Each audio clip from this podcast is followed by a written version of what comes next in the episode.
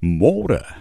Johan Els in die gedagte vir die dag en baie dankie dat ons so saam met mekaar om God se woord hierdie tyd van die oggend kan wees. Handelinge 1 vers 8 het een van daai wonderlike woorde. Julle sal krag ontvang wanneer die Heilige Gees oor julle kom en julle sal my getuies wees. Krag ontvang. As die krag van die Gees kom, word ek en jy Jesus Christus se getuies. Dit moet kan nie anders nie. Want as daai groeikrag in my ingeplant is, dan begin ek bottom bloei soos 'n nuwe plant. Dit bars uit soos nuwe wyn wat by 'n wynvat uitbars.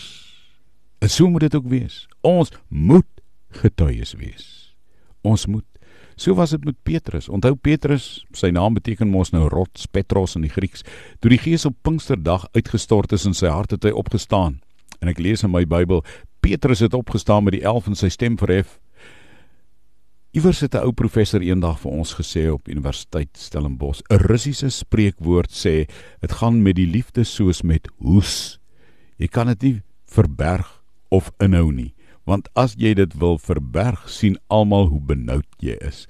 So moet dit inderdaad met ons getuienis wees. So die Russiese spreekwoord sê, met hoes wat jy nie kan inhou nie.